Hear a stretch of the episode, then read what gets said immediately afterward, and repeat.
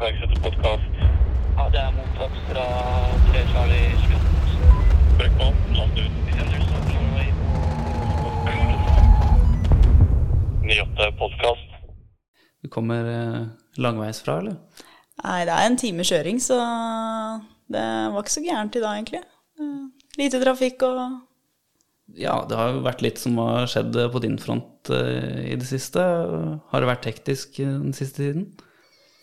Eh, Ja, e- egentlig når korona starta, så fikk jeg ganske hektisk liv. Så Eller så har jeg egentlig hatt et veldig hektisk liv hele tiden, egentlig, for jeg liker ikke å sitte stille. Så mye forskjellige jobber og mye baller i lufta, da. Så det Ja. Vært mye i det siste nå. Ja, du, du er vel eh, deltidssoldat, så vidt jeg har skjønt, eh, i, i HV, stemmer det? Jeg er innsatsstyrken på Rygge, ja. Ja, ok. Som eh, innsatssoldat, da. Gevær, ja. geværsoldat. Har det vært uh, mye aktivitet der i det siste, eller har det vært litt uh, rolig? Veldig rolig siste året, så det har vært litt kjedelig da, pga. korona. Men vi har jo hatt uh, noen sånne grenseoppdrag og litt sånt. Men eh, ellers eh, ikke så mye øvelser. Når var siste øvelse dere hadde? Eh, Det var vel i eh, august, tror jeg jeg husker riktig. Så det, det var vel en, en sånn todøgnsøvelse. Så det var jo veldig hektisk, da. Ja. Men nå er det på vei tilbake med, med øvelser på planen, er det ikke det? Ja, vi skal ha én øvelse nå til mandag. Eller øvelse, det blir bare en trening, da. Så det blir bare å dra inn. Og så hørte jeg at vi skulle skifte dekk på Amarokken. Så det, det var på planen. Ja, okay. Eh, og så skulle vi egentlig bare styre dagen selv. Så det er sånn lagsvis, da, for å liksom friske opp litt og snakke litt sammen igjen. Ja. Så ellers så var det ikke så mye mer enn det. Så det blir spennende når neste lange øvelse blir, da. Ja, dere ikke fått noe informasjon når det Nei, vi fikk et sånt lite Liten som at det skulle være noe i høst, men de kan liksom ikke si noe ennå pga. vaksinering og, og det. mm. Du nevnte grensen. Har du vært på, på grensen selv, eller? Eh, Jeg var ikke der eh, fordi jeg har eh, en pappa som har vært syk i korona. Så da sto jeg over disse Og det å komme i kontakt med folk, da. For der sto det mye og testa folk på grensa. Så jeg fikk stå over da. Så det, jo, det var jo frivillig å være med. Så det var liksom ikke noe sånn at jeg måtte. Så da tenkte jeg at nei, men da er det lurt å holde seg unna det verste, i hvert fall. Det høres fornuftig ut. Men eh, de fra Polar Bear har, har vært eh, på grensen. Mm. De har vært der. Det er mye sånn innreisekontroll og, Ja. og testing. Mm. Det var jo bistå til i politiet, da. Så stå og teste med fullt uh, utstyr. Er det noe som har pågått uh, lenge? Det har jo vært litt sånn i rykk og napp at man må bistå, men det var vel også i den perioden hvor grensa var åpen. Og så stengte den jo, har den jo vært stengt nå i det siste. Og nå begynner det vel å gå opp litt igjen. Ja, ellers får vi si gratulerer med medalje. Jo, takk. Har du lyst til å fortelle litt om eh, hvordan det foregikk? Ja, eh, jeg har jo da nylig blitt med i et samfunn som heter HV-samfunnet, som er en sånn organisasjon som skal Som ja, vi har starta, da. Eh, og vi er en gjeng med områdesjefer i Heimevernet og meg og litt sånne folk som brenner for Heimevernet, da. Og så skulle vi da på en middag for å lansere HV-samfunnet for eh, forsvars... eh, Eller heimevernssjefen. Og så hadde vi også et møte med Erik Kristoffersen tidligere i uka på Zoom. Eh, og det var jo da i hjembyen min på fredagen. Eh, og tenkte liksom at nei, nå skal jeg på middag, da. Og, det som var det. Så eh, da skulle jeg også ha et foredrag om jenter i Forsvaret. Eh, fordi hun heimevernssjefen hun ville at jeg skulle ha Eller hun liksom skjønte at Å ja, henne er der, ja. Så da kan vi høre litt om hvordan det er, eh, hva hun gjør, og hvordan hun starta kontoen. Så jeg planla jo da et foredrag å ha etter middagen. Eh, og så starta vi med at vi hadde en sånn gjennomgang og eh, introduksjon om liksom hva HV-samfunnet var, og gikk inn til middagen, og da eh, var det dekket opp langbord og veldig sånn høytidelig stemning, da. Eh, og da var det jo plutselig HV-sjefen Elisabeth som reiste seg opp og sier at eh, de er der for flere grunner, da. Og sa da at de skulle dele ut en pris til meg, så jeg blei jo veldig tatt på senga. Så du visste ingenting om det her på forhånd, altså? Ingenting. Og jeg blei jo bedt om å reise meg opp, og kjente liksom bare hva, hva skjer nå, liksom?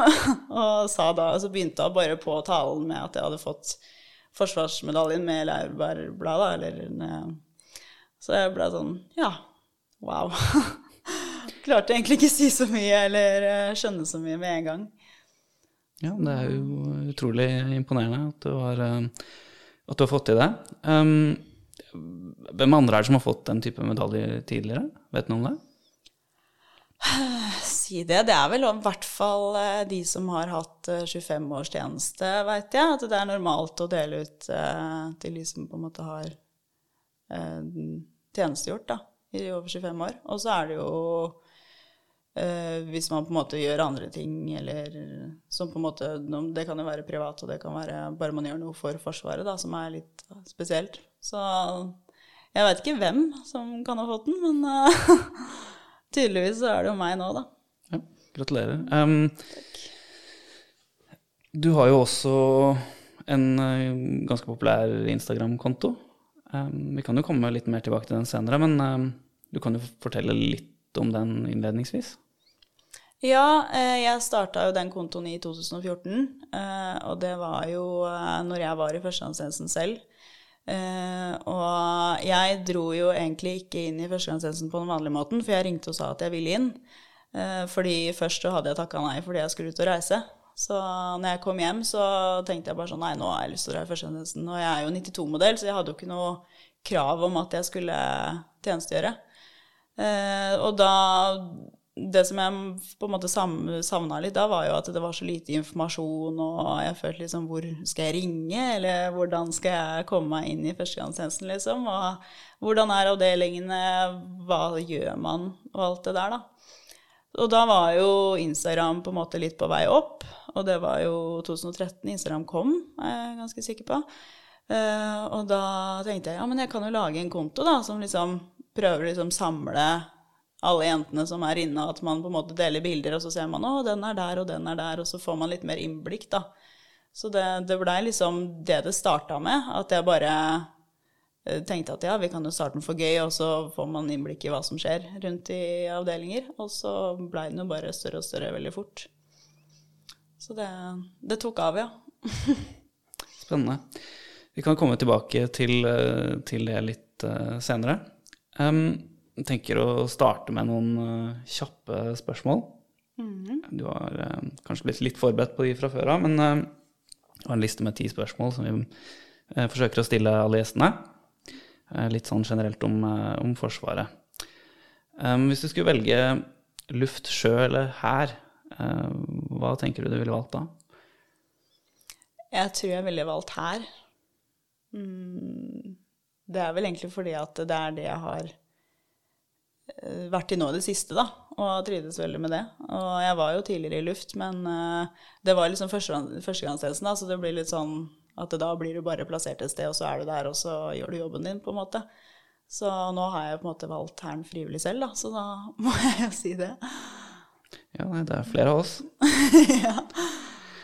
Og hvis du skulle velge en eh, valør eller en farge på, på bereten som du har et eh, spesielt forhold til, hvilken ville du valgt da?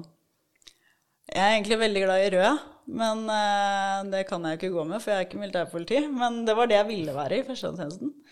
Uh, men nå har jeg jo blå fra lufta og grå fra hæren.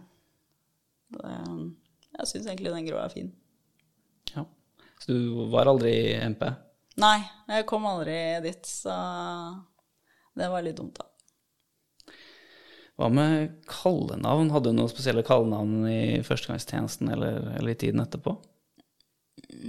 Nei, jeg var egentlig bare Bjerke. Jeg var etternavnet mitt, egentlig. Da, ja. Keep it simple. Yes. Ok, vi må svinge innom uh, uh, kulinariske verden nå. Um, FR, har du noe forhold til det? Ja. Jeg elsker FR. Jeg, jeg spiser også FR hjemme. Og jeg kan ha det med meg på jobb, men det har jeg faktisk ikke hatt ennå, men jeg vurderte det. Eh, Fordi jeg er en sånn veldig ferdigmatelsker og lager eh, Jeg kan lage gode middager, men eh, jeg har som regel ikke tid til det. Så FR er en god innertier, i hvert fall i skogen. Så favoritten er lapskaus. Lapskaus, ja. ja. Det var original. Ja. Spesielt tilbehør som du liker å spice opp lapskausen med. ja, salt og pepper. Ja. Ja. All right. Um, hva med taps- og skademelding? Um, har du vært borti å levere inn noen sånne? Jeg har faktisk ikke en eneste TS noen gang. Så jeg trodde det skulle bli min første når jeg ikke fant rekylforsterkeren på forøvelse. Men det slapp jeg, for det hadde blitt dyrt. Så ellers så har jeg vært heldig, selv om jeg er sånn veldig syrete person, da. Så Ok, så det er ikke bare, bare orden i sysakene alltid? nei, jeg har egentlig ikke orden på så mye. Så det, jeg har egentlig bare flaks når jeg er i, eller er i Forsvaret, da. For da Jeg tror jeg har en litt annen kontroll der. At jeg liksom er i en helt annen boble. At jeg klarer da å koble ut og være på nett, da. Men uh, man skulle egentlig ikke tro det hvis man kjente meg godt, da.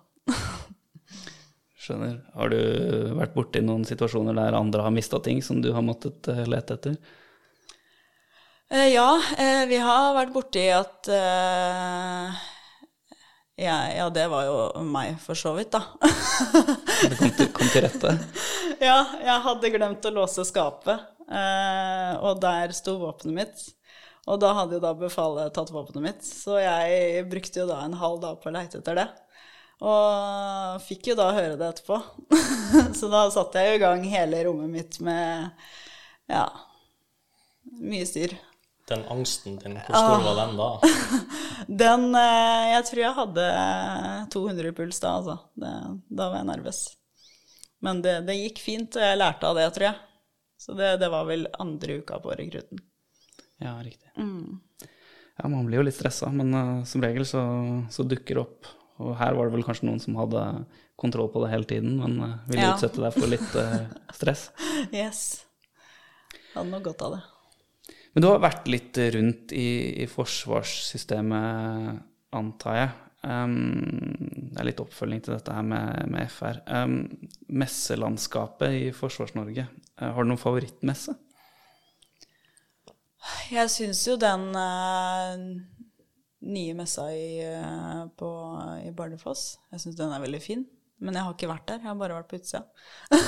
okay, så du har ikke spist der, altså? Nei, eh, fordi vi fikk eh, messemat eh, tilsendt, siden vi var jo på sykestue. Ja. Så, men den er i hvert fall det er utrolig god mat. Og, så vi fikk, jo, vi fikk jo mye ferdigmiddag derfra, men det, vi fikk det jo med bil.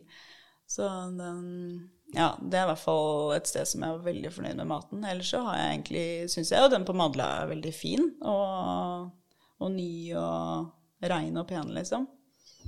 Ikke men, så eh, fan av den maten på på Madla er jo ikke akkurat kjent for å være det mest eh, Nei, det er akkurat det, da. Men uh, på Heggelia, der uh, var det veldig bra mat. Men ingenting slår FR. Nei, faktisk ikke. Ok, vi må svinge innom våpen også, når vi først snakker om disse tingene. Um, har du noe favorittvåpen som du har brukt i forsvarstjenesten? Jeg er jo egentlig fast på HK416. Hadde jo MP, MP7, MP5, ja, MP7, i, eh, når jeg var sanitetssoldat. Det som var deilig med den, er at den er lett, og det er liksom ikke så mye styr når man er ute og løper og sånn. Men jeg er mest glad i HK416. Så det um, Har eh, prøvd å ligge bak den uh, Hva heter den for noe? Den svære med sånne bein foran. Møren? Nei, den, eh, den som er veldig gammel. MG? MG5, MG, MG5 ja. Den har jeg prøvd å ligge bak, men jeg har ikke, har ikke skytet med den ennå, så det hadde vært spennende å prøve. Det er litt rekyl der. Ja, nei, det kan anbefales, det, altså. Mhm. Eh, hva med kjøretøy? Eh, man sitter jo i mye rart og humper når man er i tjeneste. Har du noen kjipe opplevelser med, med kjøretøy i tjenesten?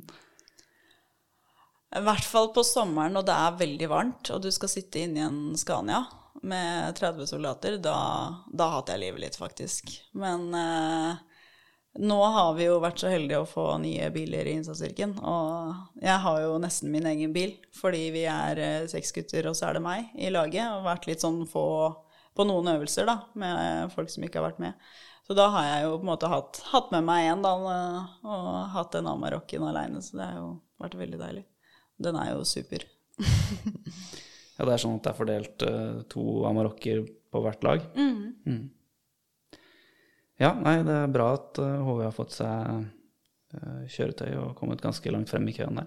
Ja, det, det var deilig. Slippe den nebben. Hva med kalde opplevelser? Hva er, hva er den kaldeste opplevelsen du har hatt i, i tjenesten? Eh, Det var eh, når vi var på Sessvollmoen i utdanningsperioden med skulle bli sanitetssoldat. Da, da var vi liksom sånn på, på øvelse ute ved Gardermoen der, og det var veldig sånn sludd, snø, regn, alle mulige værtyper i løpet av en natt. Og det lå på sånn mellom null og minus én, og da har jeg det egentlig verst, for da er det liksom ikke for kaldt og ikke for varmt, liksom. Og så blir du våt. Og...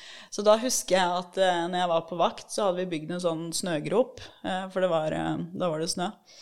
Og da sto jeg vel og tok eh, knebøy og situps og pushups hele natta for å på en måte holde varmen, da. Så det, det var veldig kaldt, og det må vel være den verste. Jeg har ikke vært i sånn 30 minus eh, men eh, jeg tror ikke jeg hadde takla det så bra, for jeg er veldig sånn kald av meg. Har du noen tips og, eller triks til um, hvordan man kan holde seg varm og komfortabel? Det er vel egentlig å prøve å skifte så ofte som mulig. At hvis du er våt, så skifte noe tørt. Og ikke tenk at du skal legge deg med full kit ned i soveposen. Ta alt og bli tørr, og tørk det på Ja, heng det opp. Sånn at det blir tørt til morgenen etter. Det er ikke noe deilig å ta på seg vått tøy dagen derpå, holdt jeg på å si. Jeg kan relatere meg til det. Hva med favoritt-militærfilm eller serie? Har du noen preferanser der? Den er vanskelig, også, men jeg er veldig glad i den eh, med henne Jeg er så dårlig på navn på filmer. Gi et hint. Det er eh, med henne som på en måte skal gli rett inn i Blant menn. Den er ganske kjent og stor film. Men, eh, jeg har sett den tre ganger, men jeg husker ikke hva den heter. Snakker vi GI Jane? Ja, stemmer. Ja, Den er jeg veldig fan av. Det, det må vel være favoritten, faktisk. Ellers er jeg veldig glad i sånne actionfilmer som Ja, bare, bare det her med action og forsvaret, så, så er det bra, liksom. Yes, jeg har vel sett den eh, filmen en gang, men det blir lenge siden, så jeg har ikke noe sånn veldig eh, mye jeg husker derfra. Jeg får se den igjen. Ja, jeg skal sette den på listen, den også. Ok, eh, da var vi gjennom ti kjappe. Jeg tenkte vi kunne snakke litt mer om eh, si, hvor, du, hvor du kommer fra. Jeg har skjønt at du, du er eh, oppvokst på, på Østlandet. Em, var det noen spesielle interesser du hadde når du var liten, som, som gjorde at du fikk interesse for å tjenestegjøre etter hvert? Jeg har jo alltid vært veldig aktiv og spilt fotball, gått på turn, eh, drevet med hest i Ja, for jeg var 5 til jeg var 19, og hadde tre hester selv, så jeg har alltid liksom vært sånn som tar et tak og tar ansvar og egentlig hatt en utrolig fin barndom og vært veldig trygt, da. Så likte jeg jo best gym på skolen, og det var liksom det praktiske som jeg syntes var gøy, og det teoretiske var litt sånn Ja, jeg får bare gjøre det, liksom. Så det Ja, det har vel med at jeg har vært alltid veldig aktiv og bodd ved siden av skogen. Og lekt mye krig da jeg var liten og James Bond. Og det har vært mye sånn Ja, leke rundt i skogen med, med gjengen, da. Så det mm. Ja, du nevnte hest. Det, det ble ikke kavaleriet på deg, eller eh, panser på noe vis, av den grunn? Nei, det ble ikke det. det. Jeg hadde jo en drøm om å bli ridende politi i Oslo da jeg var liten, da. Men uh, alt har egentlig snudd hele veien med hva jeg liksom ønska i livet, så det, det ble ikke det heller. Hvordan uh, gikk det til at du fant ut at du hadde lyst til å, til å komme inn i Forsvaret og, og tjenestegjøre der? Jeg har jo egentlig ønska det siden jeg gikk på ungdomsskolen og vi hadde som foredrag med Forsvaret. Og så har jo broren min har jo tjenestegjort eh, Han var jo på Skjold og var i Kosovo eh, i førstegangstjenesten sin. Og da har jeg liksom alltid tenkt litt sånn at det, det hadde vært skikkelig kult, liksom, når jeg var yngre, da. Eh, og har egentlig alltid ønska det, men så så var det liksom sånn at en annen side ville også reise og oppleve, og, så da måtte jeg liksom bare få med alt, da. Jeg er livredd for å gå glipp av noe. så det, ja. Kom jeg dit til slutt. Men det var altså sånn at du ble ikke kalt inn på en sesjon uh, uoppfordret?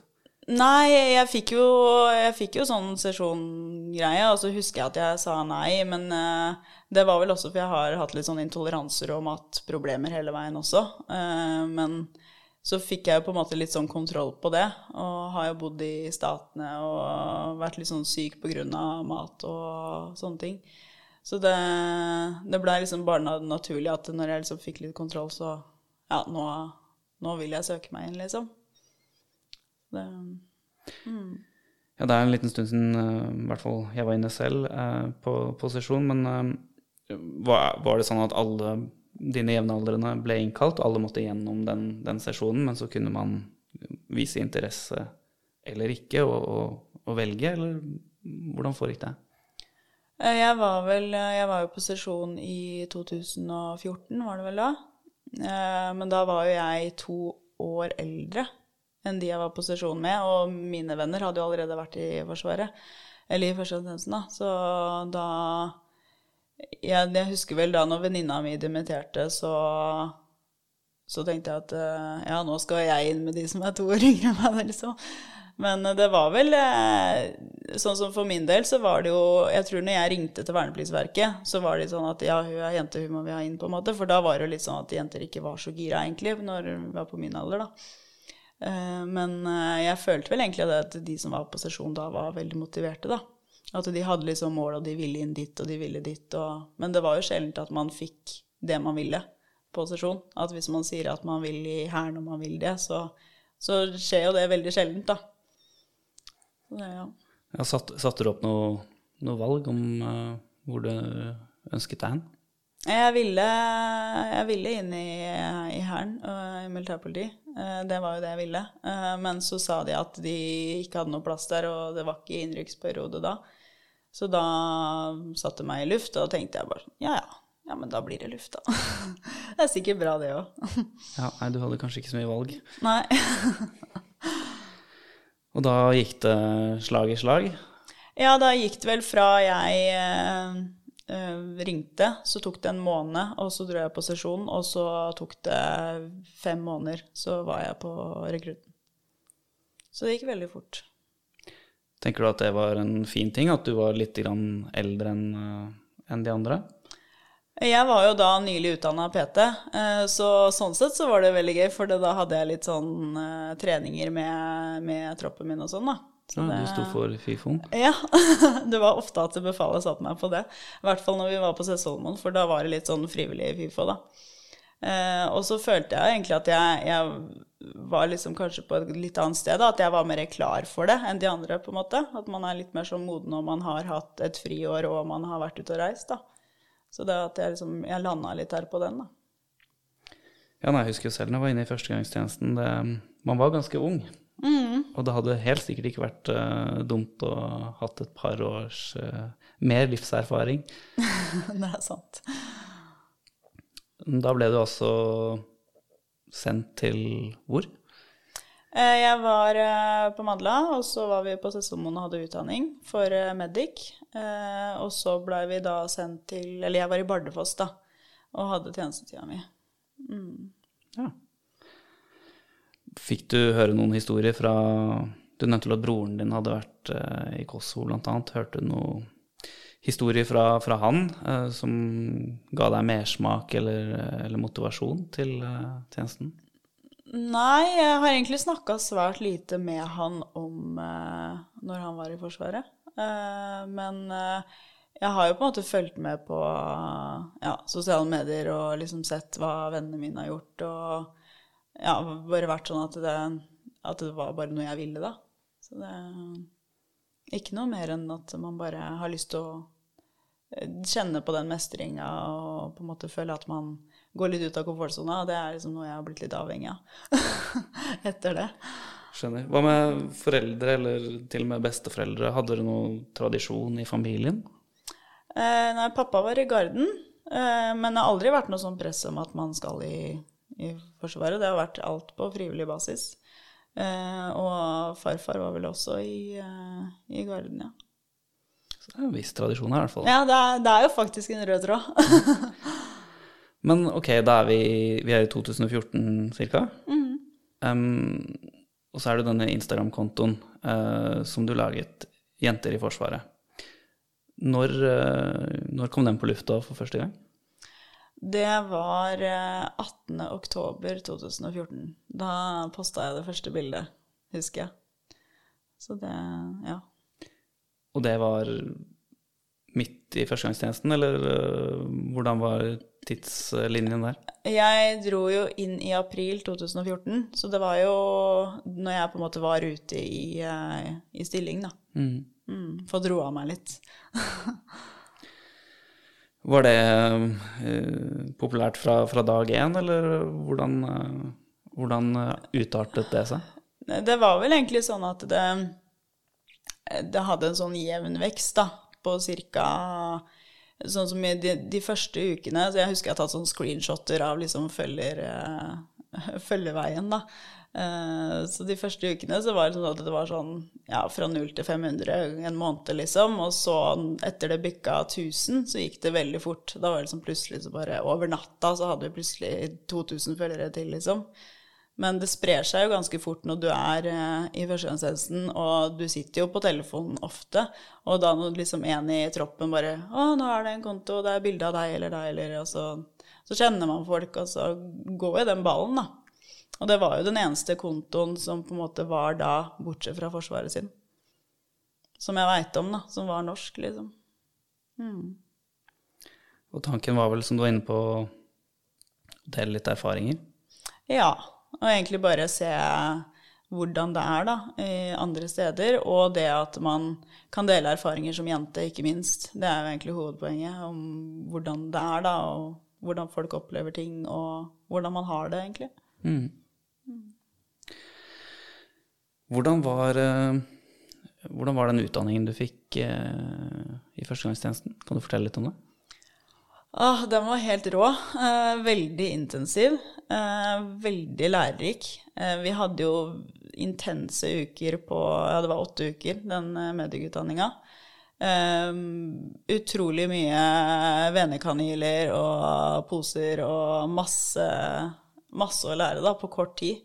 Så den, eh, den har jeg med meg ennå videre i livet. Selv om jeg ikke ble sykepleier, så, så var det en veldig fin periode, da.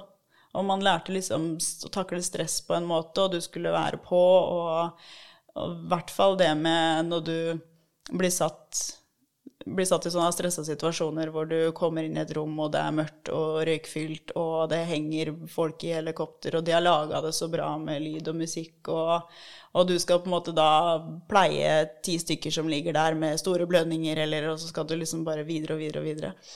Så det, jeg blei satt i noen situasjoner som liksom fikk meg til å skjønne hvor mye jeg faktisk tåler da, i forhold til stress. Da. Og liksom jeg klarte å beholde roen og skjønne hva jeg skulle, og hadde mye å gå på. da. Så det ga meg ganske god mestring egentlig hele den perioden der på Sessholmoen. Er det noe lærdom du har dratt noe nytte av i ettertid, eller i, i det sivile? Ja, man har jo på en måte grunnleggende førstehjelp og mye mer, da. Eh, Så man, man føler seg jo trygg på ting, men jeg har aldri dukka opp i en situasjon hvor jeg måtte utføre det. Men jeg føler meg jo trygg på det. Så, og så er jo det at du, du Det er jo bra å ha på CV-en òg, i forhold til eh, jobb og, og sånne ting også. Mm.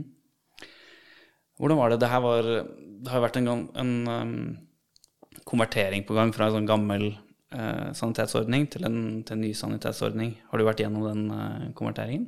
Ja, eller vi hadde jo ABC-drillen når vi var i førstegangstjenesten, og nå er det vel eh, Mars-drillen. Men den var jo Jeg føler jo at de er ganske like, men du lærer den på forskjellige måter, og så gjør du drillen kanskje litt annerledes, men det er ganske likt, da. Så det er liksom når du har drilla såpass mye på ABC, og du skal over til noe annet, så går det egentlig ganske fort med den overgangen. Men nå er det også mye mer at du, du er på den der eh, ute i skogen, og du skal rett til helikopteret og Så det er jo lagt opp litt annerledes nå, at nå er det liksom rett på massive bleeding, og så skal du Du skal liksom ikke gjøre så mye mer, da. Så det, det er egentlig ja, mye av det samme, føler jeg, men at du bare tenker litt annerledes. Mm. Tror du det er en endring til, eh, til det bedre? Ja, jeg føler jo egentlig det at det er bedre å få den pasienten fort eh, til et sykehus med folk som kan ta seg av det, så kan man krige videre, på en måte, enn at uh, man sitter der og tørrdriller på en drill som du kanskje ikke skal gjøre halvparten av, egentlig, for den dør snart uansett. Så det, jeg tenker det er best å ja, handle fort, da. Ok, så det her var i Er det Sanitetsbataljonen det heter? Eh, Jeg var i, eh, i ja, sanitetssoldat i, eh, i Luftforsvaret, så jeg var jo på en måte stasjonert på en sykestue. Riktig. Så jeg jobba jo egentlig bare på en sykestue. Ja. Og det var eh, hvor? Det var på Rustad leir i Bardufoss. Riktig.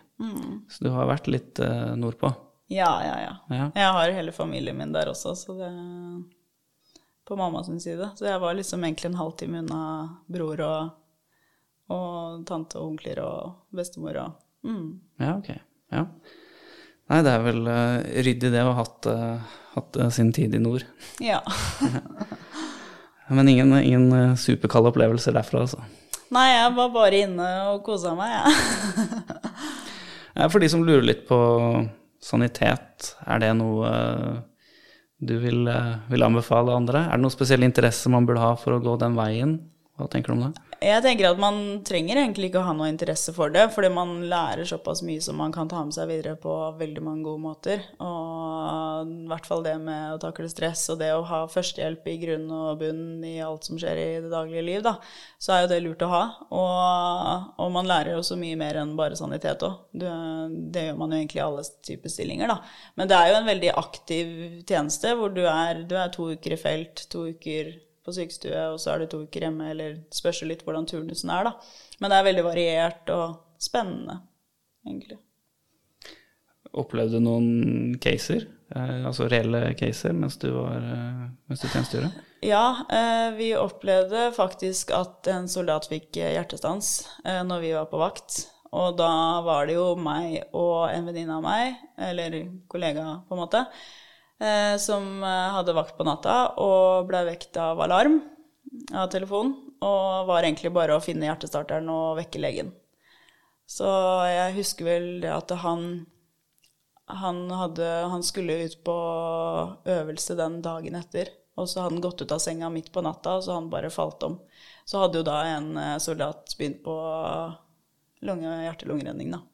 Så det var ganske reelt, og han havna i koma. Jeg tør ikke si helt sikkert på hva som har skjedd videre, men eh, det blei mye greier da.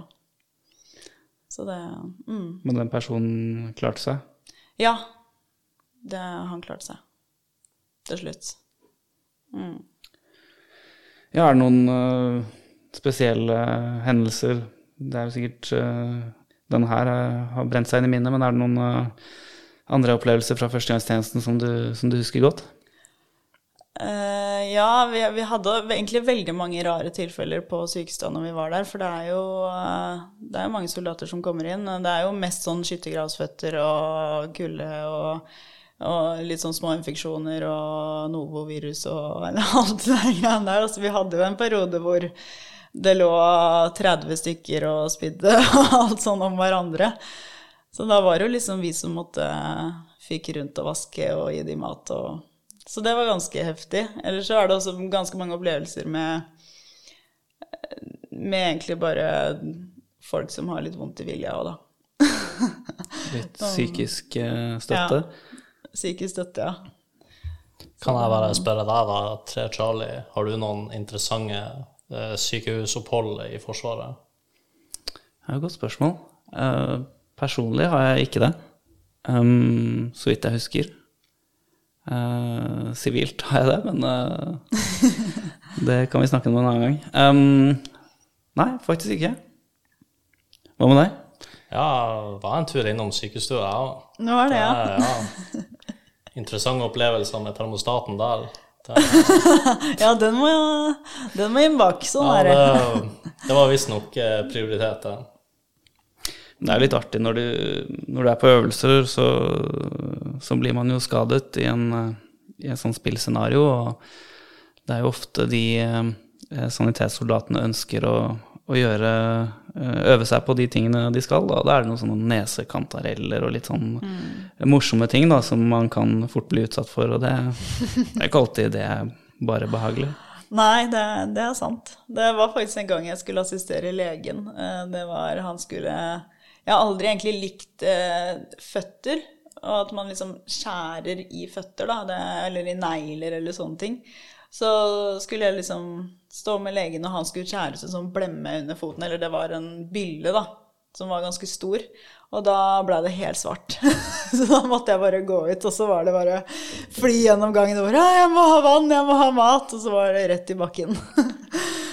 så det, det var siste gang jeg assisterte på sånne type behandlinger, da. Da ble du ikke tilkalt lenger. Nei.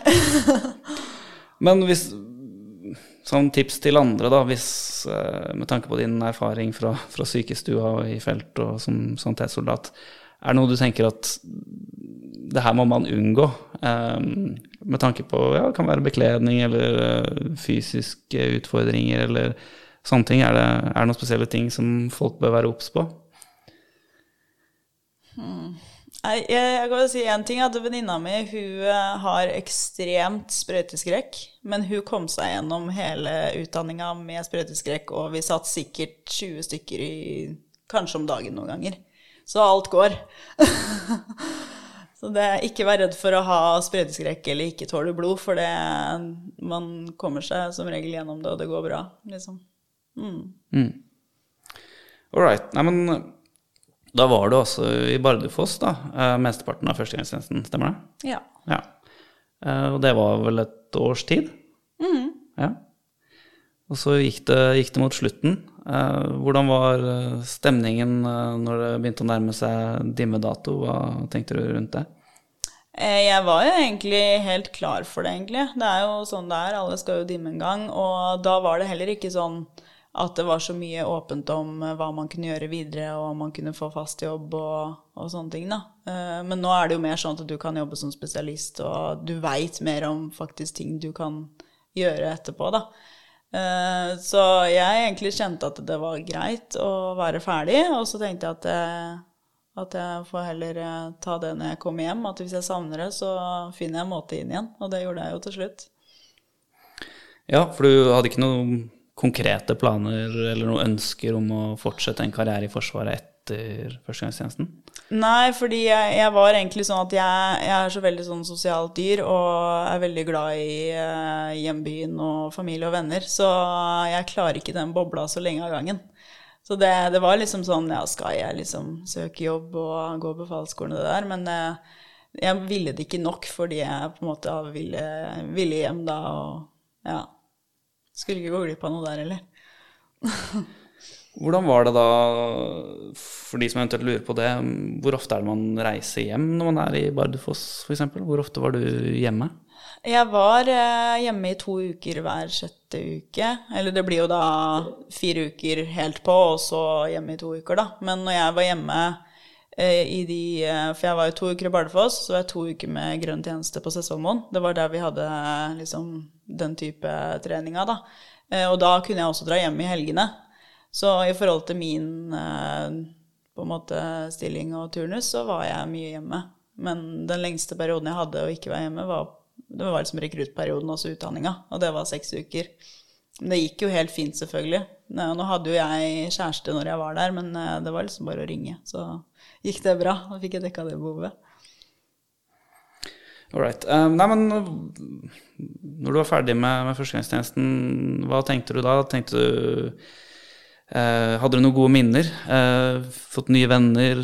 Um, dårlige minner, kanskje? Eller dårlige erfaringer? Eh, ingen dårlige, egentlig.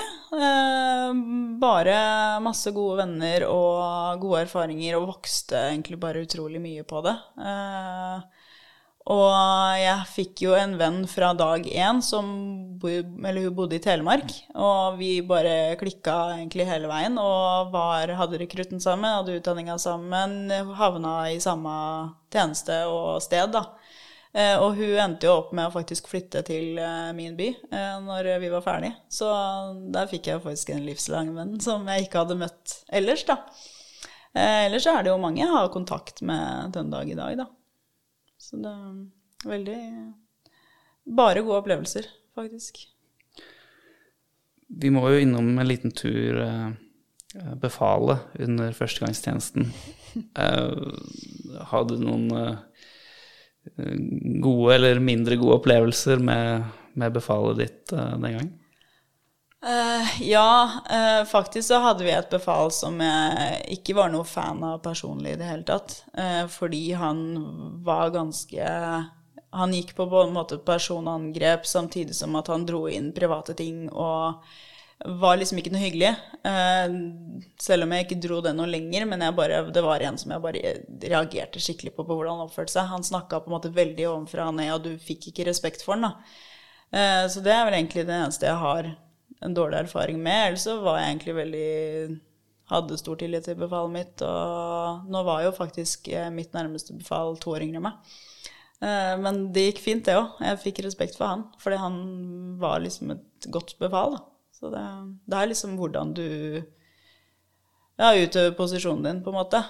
Så det Har du noen tanker om, om hva som kjennetegner eh, godt lederskap, eller godt befal i, i, Forsvaret? Ja, det er jo på en måte at du er Du på en måte skaper din type respekt, men du kan også legge deg på linje med alle andre, da. At du, du har på en måte det grunnleggende og det, de gode verdiene i bånn. Uh, og det, det, kan jo på en måte lyse tvers igjennom om du ikke har verdiene på plass, da, som er Forsvarets kjerneverdier. Uh, så det er uh, det kan man jo ja, se tvers igjennom. Men eh, jeg har mye gode erfaringer med, med, gode ledere. Selv om det er sikkert mange også som kan ta på seg en maktposisjon og bruke den feil. Da. Har du fått noe lederansvar selv i de senere årene? Eh, jeg har jo egentlig styrt veldig skuta mi selv eh, med mine prosjekter. Og hvis jeg har vært ansatt, så har jeg alltid hatt en leder over meg. Eh, så ellers så har jeg på en måte ja, vært selvstendig, da. Men Så jeg kan på en måte ikke Jeg har jo ikke Jeg tror ikke jeg har vært i noen posisjon som jeg har hatt eh, på, mitt, ja, på en måte sånn lederansvar, nei. Jeg er helt usikker. Men kanskje underbevisst har man tatt med seg de erfaringene ja. man har hatt med, med, god og eventuelt dårlig utøvelse av lederskap, og og sett for seg at enten sann har man lyst til å være som leder selv, eller mm. kanskje sann har man ikke lyst til å være. Det, det, kan jeg på en måte si på lederne jeg har hatt de siste åra. Så kan jeg på en måte trekke frem gode og dårlige eksempler på hvordan jeg selv ville gjort det. da, Og så kan man på en måte lage sin egen type leder, da. Må trekke frem litt herfra og derfra, liksom. Så det, det, er jo litt sånn at man finner jo veien selv. Men øh, Så det, det tror jeg på en måte har tatt med meg at man, man, blir veldig god på hvordan man skal på en måte se andre folk, da. Denne Instagram-kontoen er jo en liten rød tråd gjennom historien her. Eh, for den, eh, den var jo i ferd med å vokse i den perioden, vil jeg tro. Eh, og det var jo noe som fulgte med deg etter førstegangstjenesten, ja. var det ikke det? Jo. Hvordan tok du det med deg inn i det sivile, og hvordan, hvordan skjedde, skjedde, utviklingen der? Den har jo egentlig vært med meg hele veien, og så har jeg ikke helt skjønt hvor mye tid det faktisk har tatt før jeg har sett tilbake på det. Eh, det er vel nå siste tida jeg skjønner hvor mye tid jeg faktisk har brukt på det. da. Eh, og den har jo vært meg gjennom mange ulike typer jobber, og telefon har liksom alltid vært med. Og vi har jo så utrolig mye som skjer på den Instagrammen og på nettsida vår, da, med spørsmål hele tiden, og vi må jo være på og, og alt det der, da. Så, men den har på en måte blitt en del av meg, da. Uansett om jeg kan gå og, være PT og, eller jobbe i hjemmetjenesten eller hva alle de mulige jobbene jeg har gjort, da, så har det liksom, det har liksom vært en sånn ting som jeg har kobla ut med, da. Det har på en måte vært en hobby som har blitt faktisk en jobb, på en måte. Hva er det Hvis det er noe eh, kjennetegn, hva er det folk eh, lurer på som tar kontakt via f.eks. Instagram eller, eller nettsidene?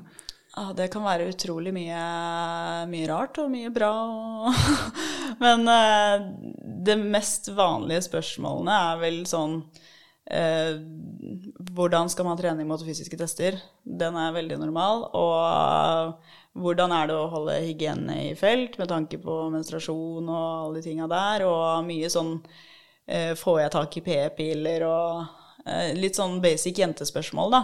Eh, eller så har vi også mye spørsmål om hvordan ulike stillinger er, eh, hvordan man skal komme seg inn dit og dit hvis man vil det og det, og så alt mulig fra Ja, det er, det er så mye, mye jeg kan eh, le litt av noen ganger òg, og så er det mye som man på en måte må sette seg veldig dypt inn i, da, og svare, svare på en måte litt fra hjertet òg, for det, det er jo Det har også blitt et sånt type psykologisk sted, da. Hvis du er jente og du har det tøft, eller du vil hjem, eller sånne ting, så, så har det blitt liksom en sånn lav dørstokkmil å bare sende en melding der, da. Og så har vi svart på det, på en måte. Ja, det er helt sikkert veldig mange som, som setter pris på det, vil jeg tro. For jeg, jeg vil jo anta at kjønnsfordelingen er litt skjevt over mot, uh, mot jentesiden. Ja, i hvert fall de som spør, de er jenter. Uh, Det hvis det har vært gutter, så har det vært sånn generelle pakketing. Men der har vi laga en pakkeliste til de også, da slipper vi de spørsmåla. Så det er derfor vi har laga de listene. For da slipper man unna mye spørsmål. Ja, så du får en del spørsmål fra, fra gutter også som Ja, eh, tar kontakt med jenter i Forsvaret. Vi har faktisk en kjønnsfordeling på, på at gutta er 55% så det, og jentene 45 Ok, så de er i flertall, faktisk. Ja, faktisk så er det flertall. Jeg veit ikke hvorfor, men det kan man jo vurdere selv. Men eh, med all den erfaringen du har da, med å svare på spørsmål eh, via nettsider og konto, hva, hvis du skulle kunne komme med sånn generell, eh, et generelt tips da, til, eh, til alle for så vidt, men kanskje generelt jenter i Forsvaret, er det noe spesielt eh, folk lurer på veldig ofte, da, som du eh, har lyst til å informere om?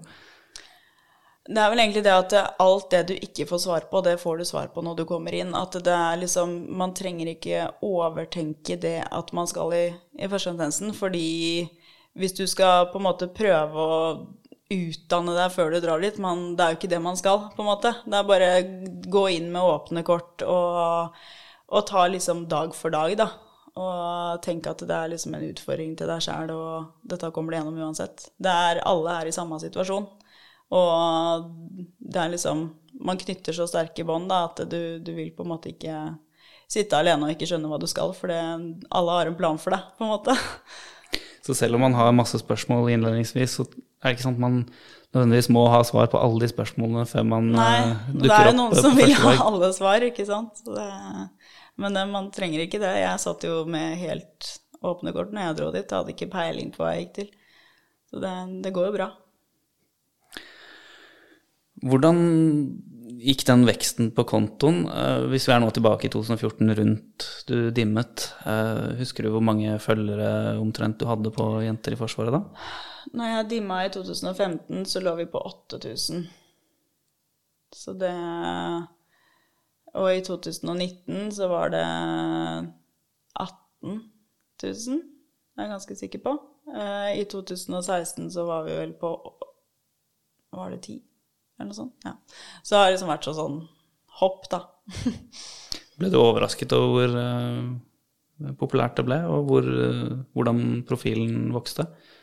Ja, jeg ble egentlig ikke så overraska, for det, det vokste på en måte med meg, men så tenkte jeg ikke over at det blei så stort før man tenker over det, på en måte. Det er vanskelig å forklare, men det, det, det følgere er følgere, liksom. Men greia er jo hva som faktisk skjer der, og hva de får ut av det, de som følger den. For det, det har jeg jo fått gode tilbakemeldinger på, og det er jo det som er det som gir meg noe, da.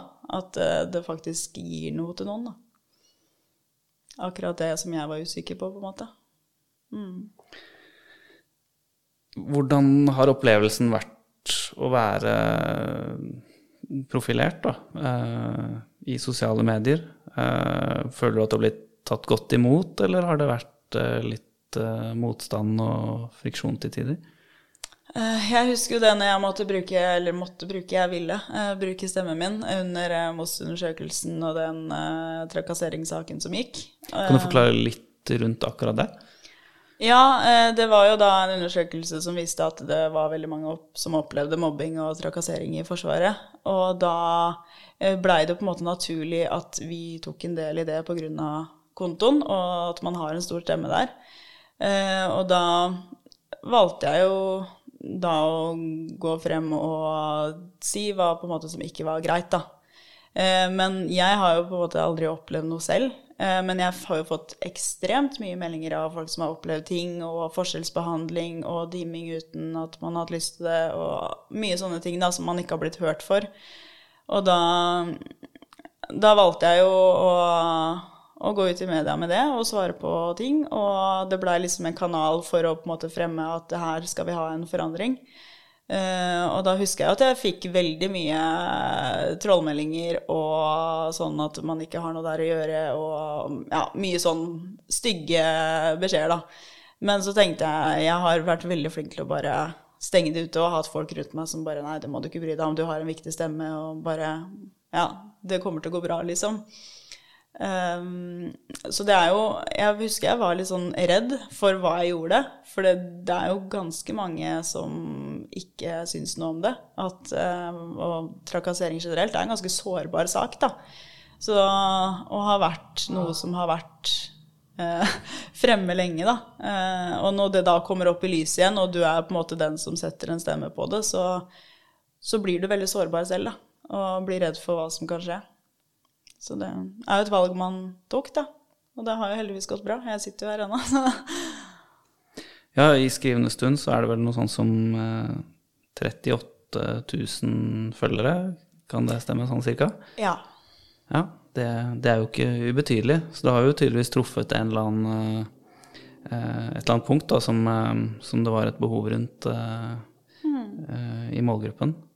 Um, har du samarbeidet noe med, med Forsvaret direkte? Hvordan har interaksjonen med, med Forsvaret vært underveis? Eh, Det har egentlig vært at jeg har hatt noen telefoner med mediesenteret eh, og snakka litt om sånn hva er greit med bruk av bilder og mye sånn generelle sånne ting, da, og litt med liksom når jeg valgte logoen og at jeg hadde Forsvaret i navn og eh, det, det var egentlig det jeg prata med dem om. Ellers så har jeg hatt uh, mye kontakt med enkeltpersoner, da. Som jeg har spurt om ting, og som har heia på meg på sidelinja, som har vært i Forsvaret selv, som har vært høyt oppi det, da.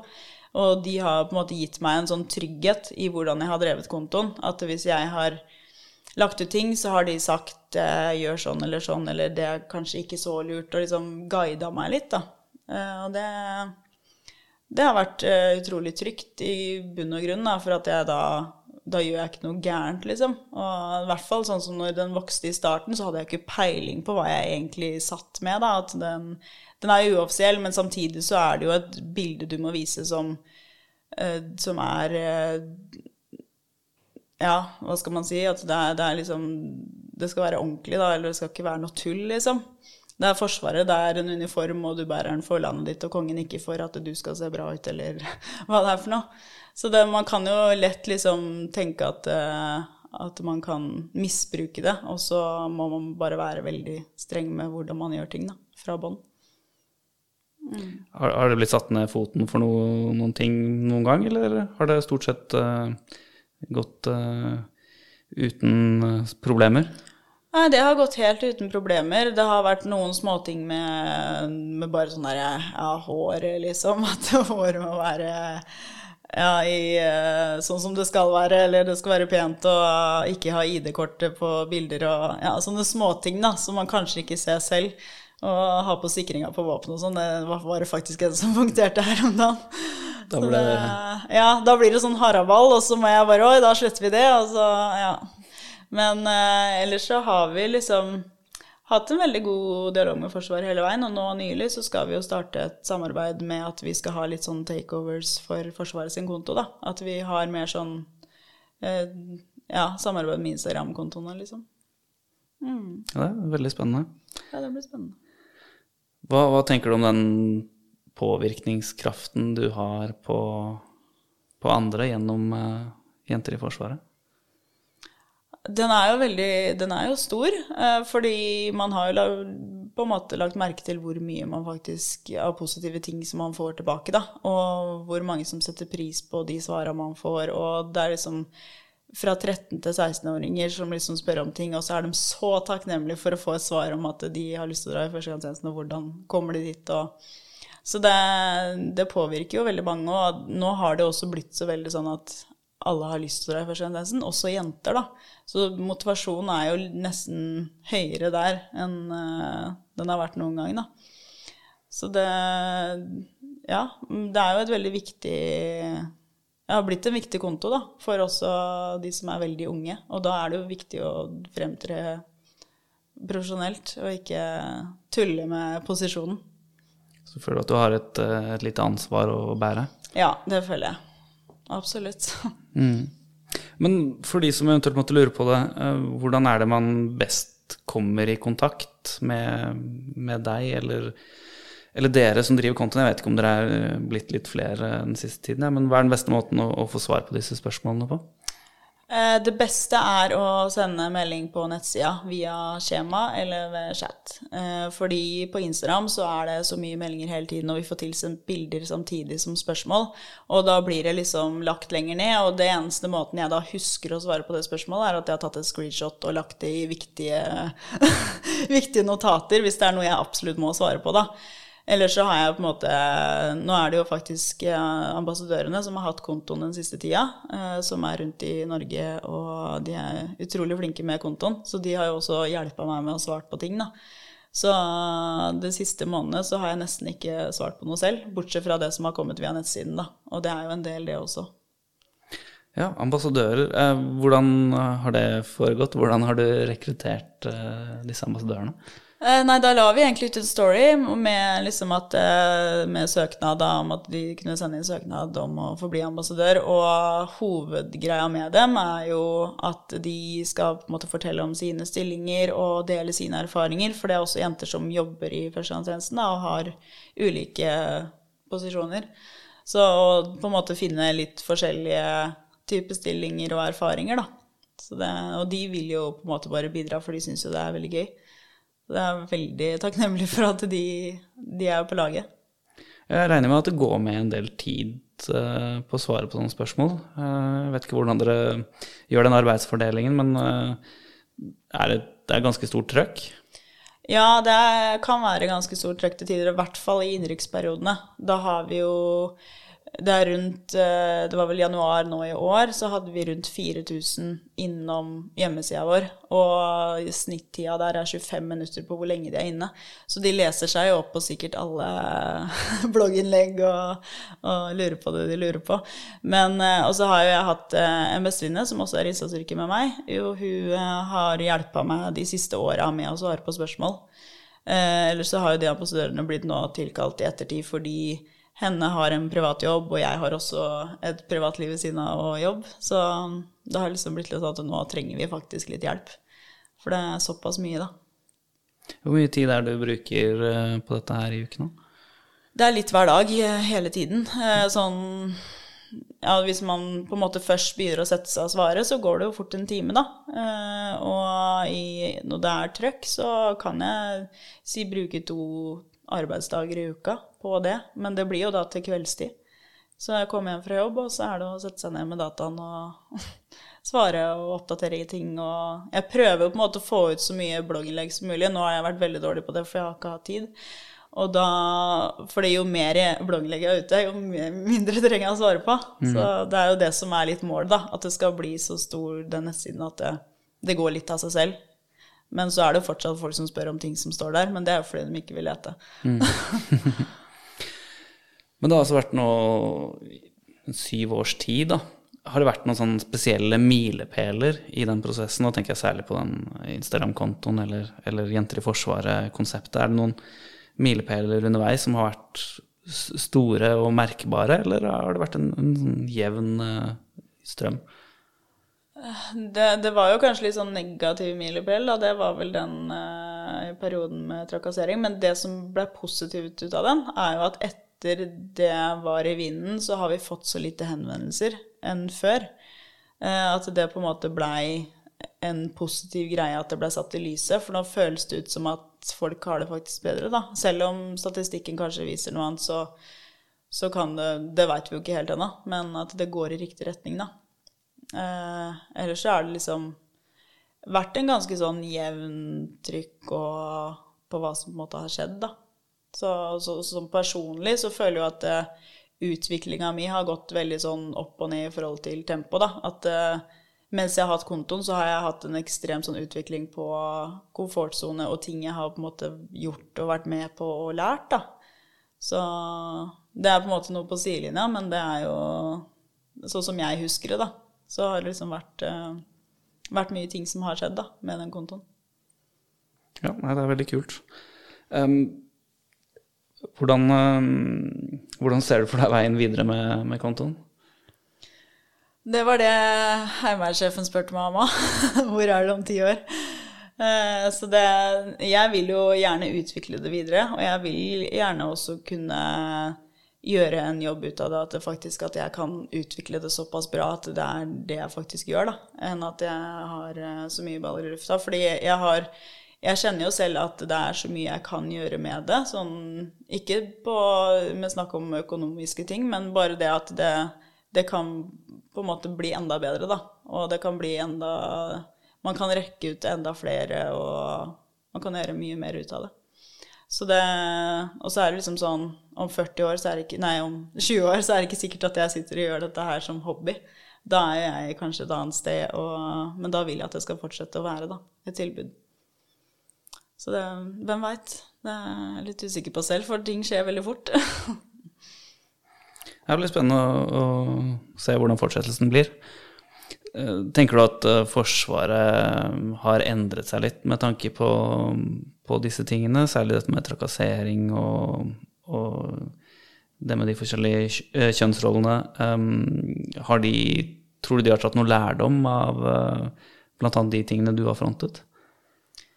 Jeg tror jo litt det at, at jo mer Det er jo selvfølgelig negativt det at man på en måte drar opp i lyset fordi det er negativt at det har skjedd, da. Men det er jo bra å ta det opp i lyset, for da får man å åpne øya om ja, er det har jeg gjort noe som er på kanten? Var jeg for dritings på barn i helga og tok på en jente på rumpa? Eller sånn. At man begynner kanskje å tenke litt mer over sine egne handlinger, da. Eh, så sånn sett så tror jeg at det er bra at man har et sted hvor hvor ting kan samles, at uh, jo mer informasjon jeg får av folk, så jeg, jeg, kan jo på en måte ta det videre, og det har jeg gjort også. At det blir på en måte At det er såpass viktig da, at man på en måte sier ifra om ting, da. Det er liksom, Jo mer lys det er på noe, jo flere får på en måte en trang til å si at det er ikke greit, da. Så det, men så vil man jo ikke være den som er hun kjipe som sier ifra, og så blir man kanskje skvist ut, eller Men det er jo egentlig ikke sånn det er. For du står jo bare opp for dine egne verdier og din egen kropp, liksom. Så det, det, er jo ekstremt viktig. da, Jo mer fokus, jo mer tror jeg også andre tenker at det er, det er en del av det. Det er, det er, sånn det skal være, eller, eller, det ikke skal være sånn. Ja, nei, personlig så tenker jeg at uh, det har, uh, har, blitt mer fokus på det de siste årene, uh, sånn jeg ser det. Og mm. skal ikke se bort fra at initiativet som du har startet opp, har hatt en viss påvirkningskraft på, på å dreie retningen. Da. Det har jo sikkert litt sammenheng med disse sakene som har kommet opp i media også, naturligvis. Men, men jeg, jeg syns absolutt det har blitt mer, mer, fokus på disse tingene, og det er sikkert noe som som kan være noe man kan se tilbake på som en, som en oppnåelse. Mm. Det er sant. Litt over til tiden etter førstegangstjenesten. Denne Instagram-kontoen ruller jo og går uh, parallelt her, men hvordan, hvordan, var veien videre i, i forsvarsverden etter førstegangstjenesten? Jo, jeg Det var vel da i 2018. 1921, ja det er nå tre år siden. Da dro jeg på opptak på, eh, på Rygge. Og da kjente jeg at nå må jeg inn i grønt igjen. det, og jeg var ikke innkalt til HV heller.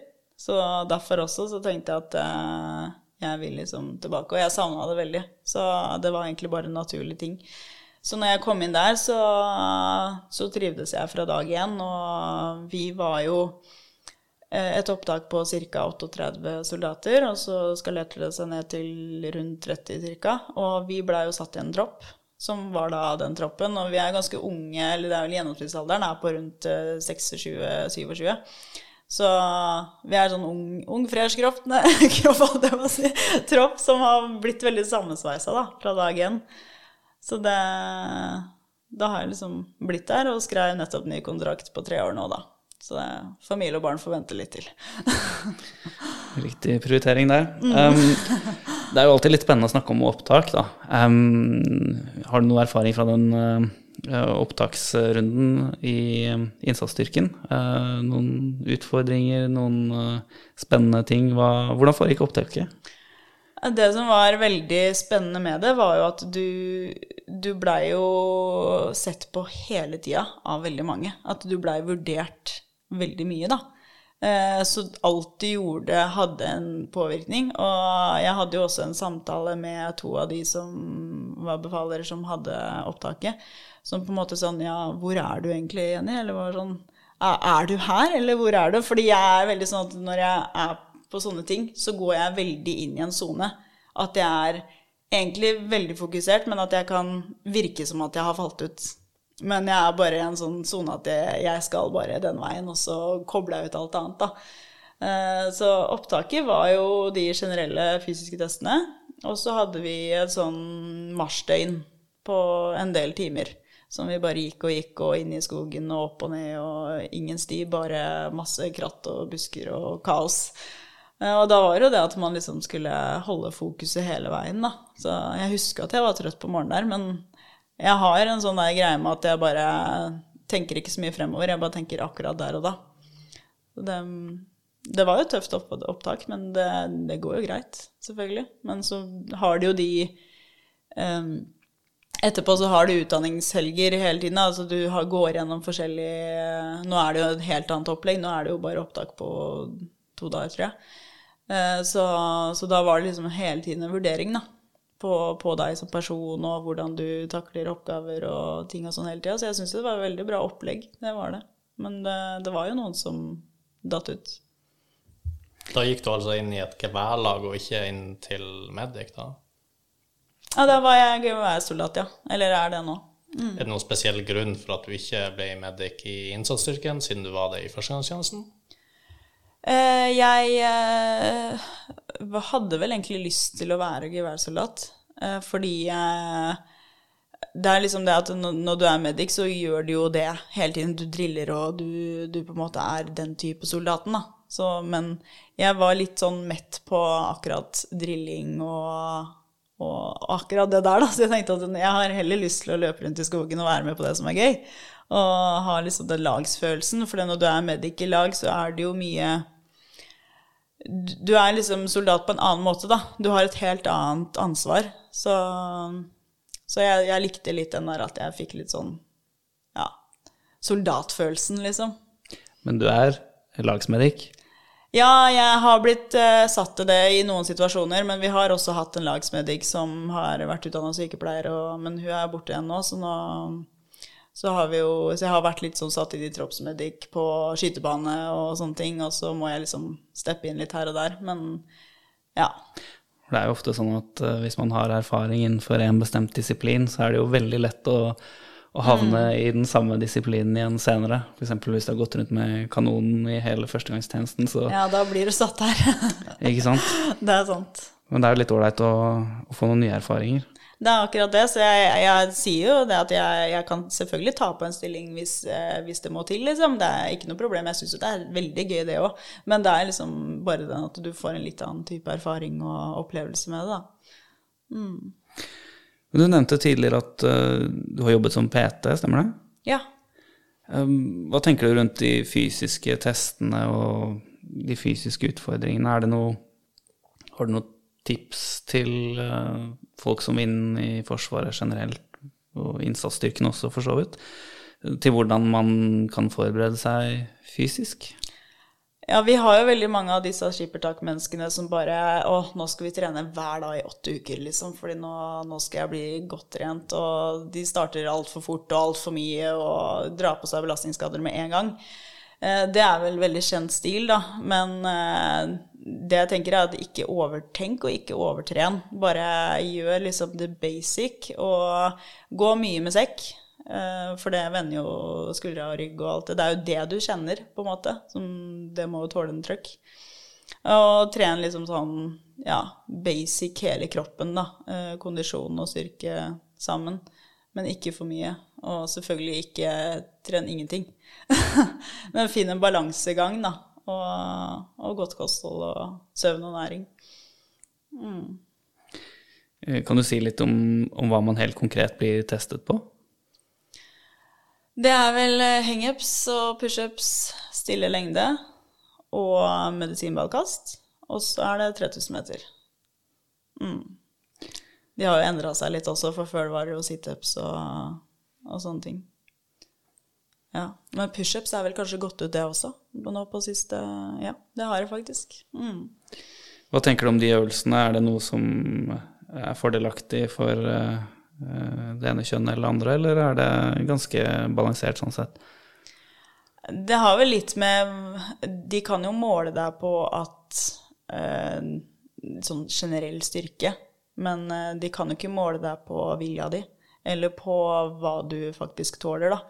Så en gutt som bare tar hangups og trener benkpress, eller en jente som bare løper, eh, de kan være på en måte en helt forskjellig plass begge to, da. Så det er litt med hvor allsidig du er, og hva du tåler i huet det står på.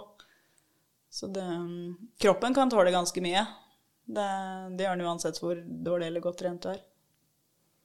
Så litt sånn all, allround eh, trening. Ja.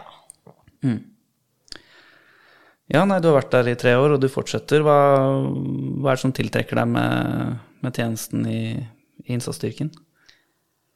Eh, Det er veldig mye det med at du er en del av noe som er noe annet enn ditt sivile liv, og at du på en måte eh, Du gjør noe for landet, ikke minst, og du gjør en ja, på en måte sånn tjeneste, da, eh, som betyr noe. Eh, og det som jeg også setter veldig høyt med å ha de treningene, er jo at du får en veldig sånn avkobling av hverdagen. Og det er så utrolig viktig og deilig. Og når du kommer hjem, så er faktisk livet så bra. så det er liksom de små tinga da, som faktisk da betyr noe igjen. Og på andre måter at man får den avkoblinga.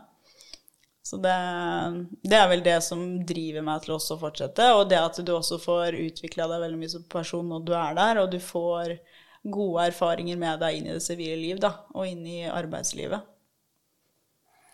Hvor ofte er dere er inne og er på øvelser, på treninger, kurs og, og tilsvarende?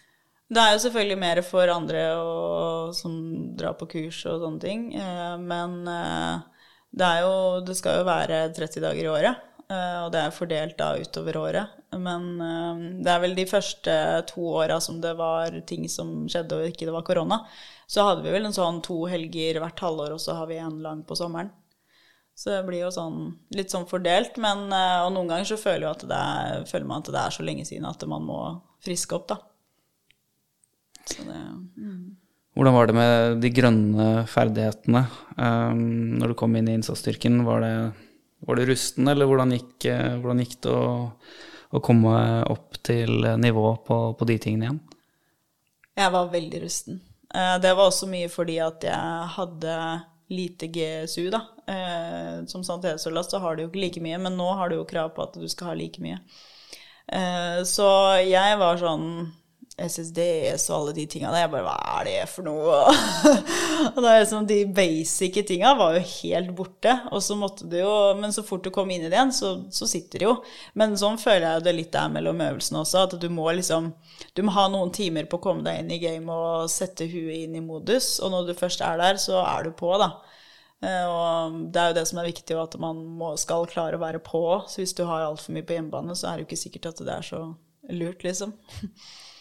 Hvordan er balansen mellom uh, uh, tjenestegjøre i, i styrken og, og sivil jobb? Uh, hvordan funker det? Nå har jeg hatt veldig mye sånn at jeg har styrt livet mitt selv og arbeidshverdagen selv, men nå er vel første gang hvor jeg faktisk har en sånn type jobb som det er åtte til fire, og at jeg er på jobb fra mandag til fredag, da. Men eh, nå er jeg jo står på en måte fritt til at jeg skal være, være i Forsvaret, da, og at hun er innforstått med, eller sjefen min, at det, det er en del av pakka, liksom. Og sånn, sånn blir det. Og jeg tror jo det at mer og mer i fremtida så blir det mer satt lys på at det er, at det er bare positivt å ha en soldat i innsatsstyrken eller Heimevernet da, så på din arbeidsplass. For det tar jo med veldig mye gode ting til den, til den kollegaen eller øh, arbeidstakeren. da. Så du føler ikke at du får noe pushback fra arbeidsgiver på det, at eh, når du må klaske innkallingen i bordet, så er det dårlig stemning på jobb? Nei, aldri. Aldri hatt en sånn følelse. De har bare vært positive. Så det, det håper jeg egentlig at alle andre er også. Men det er jo selvfølgelig tilfeller hvor det er sånn Nei, vi har så mye å gjøre, og nei, du kan ikke dra noe sted. Det har jo vært sånne tilfeller. Det, men sånn er det jo. Det folk har det forskjellig. Har du noen, eh, noen gode historier fra tjenesten? ja. Noe som du, du tenker på eh, Det her var eh, en, en morsom historie.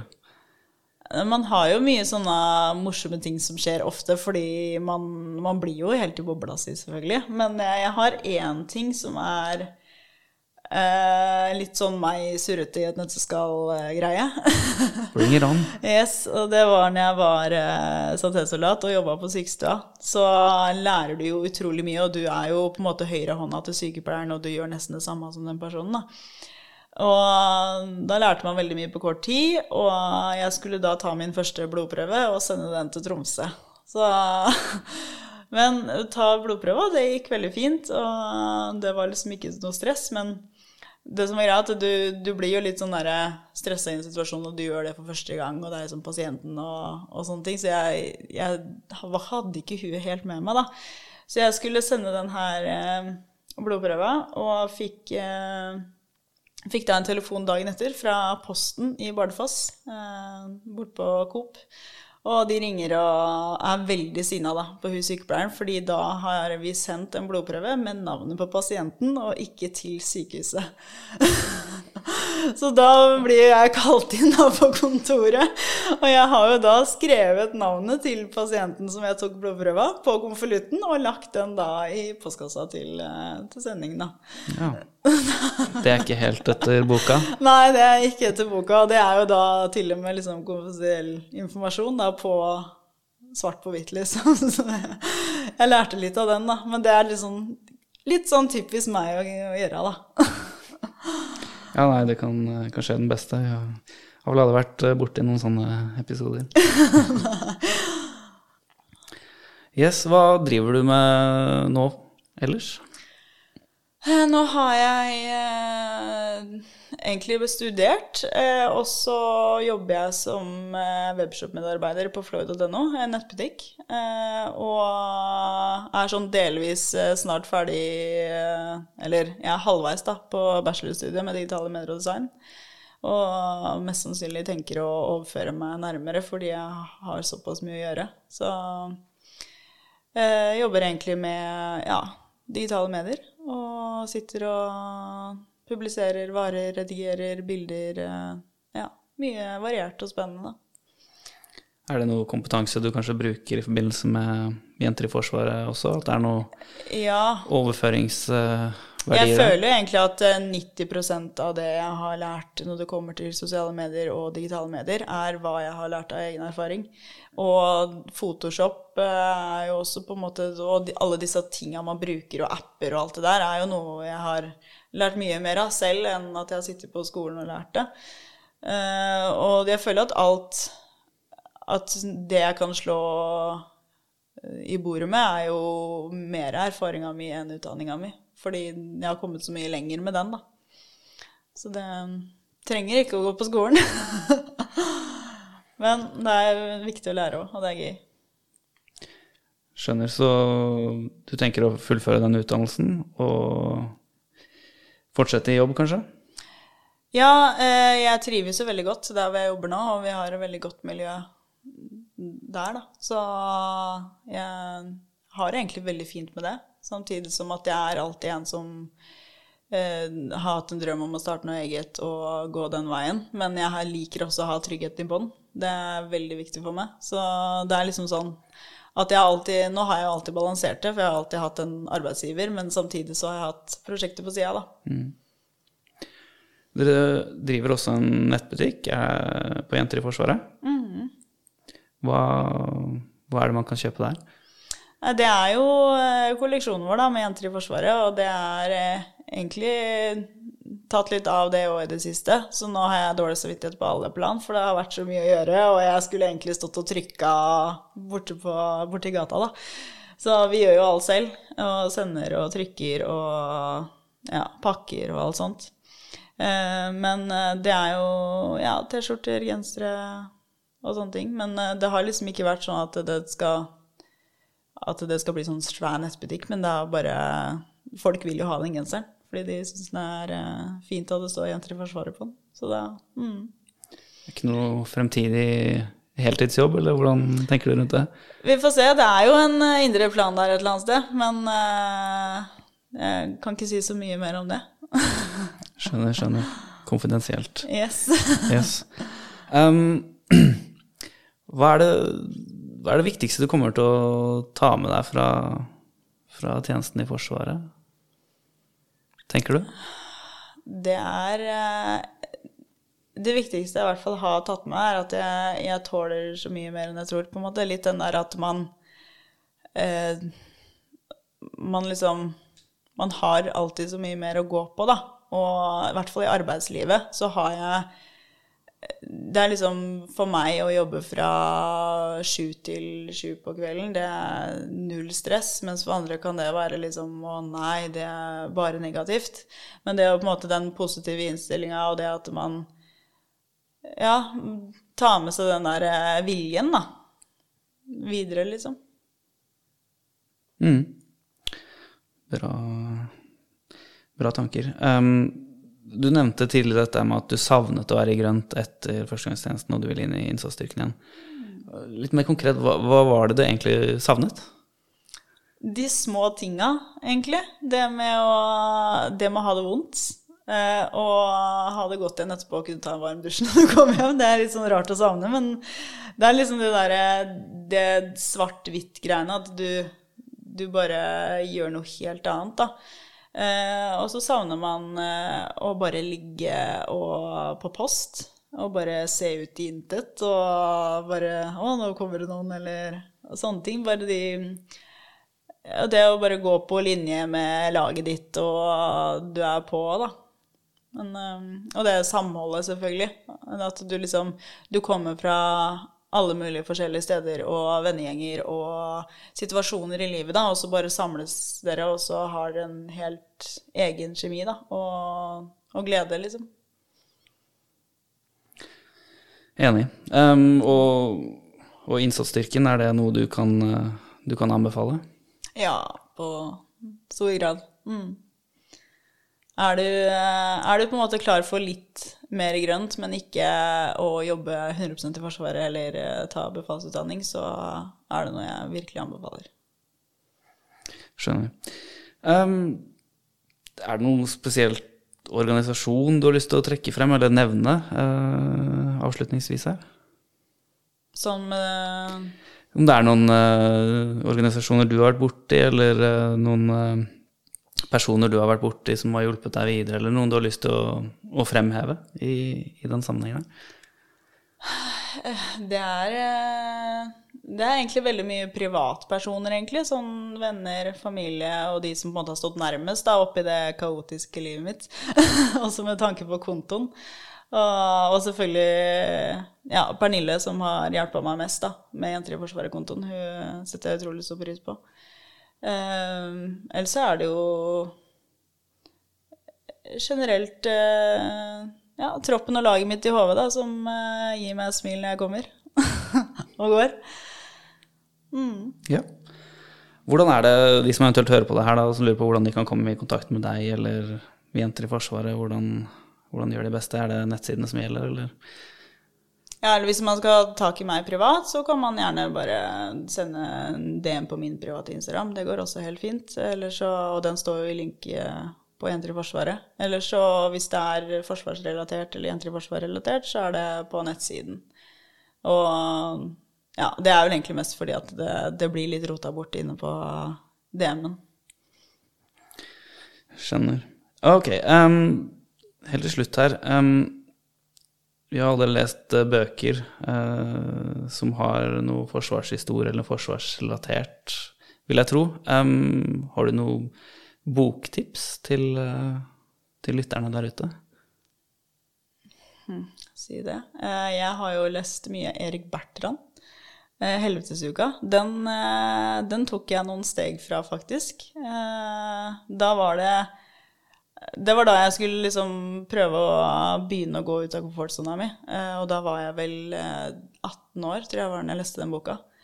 Og etter det så har jeg liksom bare higga og higga på mer ut i, det, i den store verden. Og så den eh, lærte meg mye. Og jeg er egentlig ikke en person som leser så mye bøker. Jeg hører jo litt på podkaster og, og sånne ting. Og hvis jeg leser bøker, så er det mye sånn eh, at det er noe med mindset eller sånn motivasjonsbøker og sånne ting. Da. Det er liksom det som drar meg.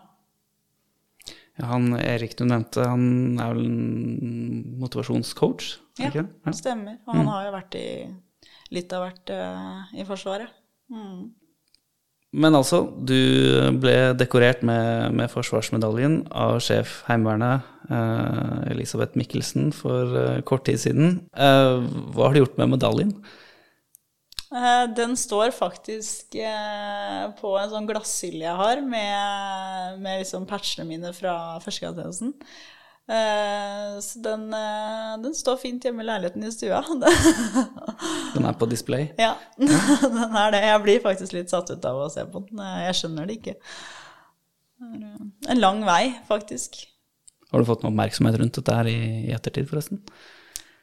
Ja, eh, det er jo selvfølgelig utrolig mye gratulasjoner. Eh, Det har jo rent inn eh, på Facebook og Instagram, og, og så har det vært noen saker i Forsvaret og Forsvarets forum. Og lokalavisa er litt treige, tydeligvis, så det har ikke kommet noe der ennå. Men ja, mye oppmerksomhet. Men det, det er hyggelig, det. Setter du pris på den anerkjennelsen, eller syns du det er litt ubehagelig, eller hvordan føler du rundt det? Nei, ingen problem. Det, det, er, bare, det er bare hyggelig. Da gjenstår det bare å si eh, takk for at du tok turen eh, til oss og tok deg tiden til å prate.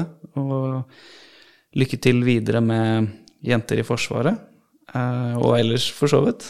Eh, så var det veldig hyggelig å, å prate med deg. Og kanskje det blir en podkast igjen i fremtiden. Hvem vet? Kanskje det. Det var veldig hyggelig å komme hit også. Og hyggelig prat. Sender ut Norway og 3 Charlie slutt